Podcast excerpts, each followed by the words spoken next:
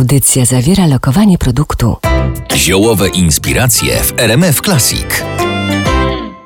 Wiemy, jak ważną rolę zioła i zielarstwo odgrywają w europejskiej tradycji. Ale dawniej zielarzy traktowano z lekką podejrzliwością, bo ich wiedza uznawana była trochę za wiedzę tajemną. Dziś te tajemnice rozwiewa dla nas Michał Dewódzki, znawca i pasjonat zielarstwa. Kultywuje rodzinne tradycje ogrodnicze w ogrodach ziołowych. Współpracuje z marką Ricola, produkującą odświeżające cukierki na gardło i wie o właściwościach ziół prawie wszystko. popularna szałwia czy cząber górski, rośliny występujące no, w Polsce powszechnie i w ogóle w Europie, są bardzo ważne, ponieważ mają gorzki smak.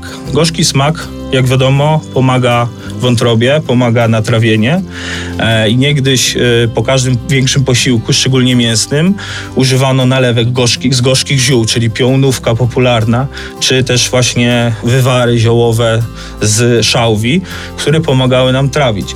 W tej chwili no, jest to mało popularne, tak? Bardziej skupiamy się na roślinach, które, czy w ogóle dodatkach do potraw, które są słodkie, które są cytrynowe, tak na przykład tymianek limonkowy, który jest wspaniały do, do, do różnych potraw, y, do sałatek, czy zastępujemy na przykład cukier stewią, która ma słodki, jest kilkadziesiąt razy bardziej słodka niż cukier, Jak widać, wiedza na temat działania ziół może być bardzo cenna.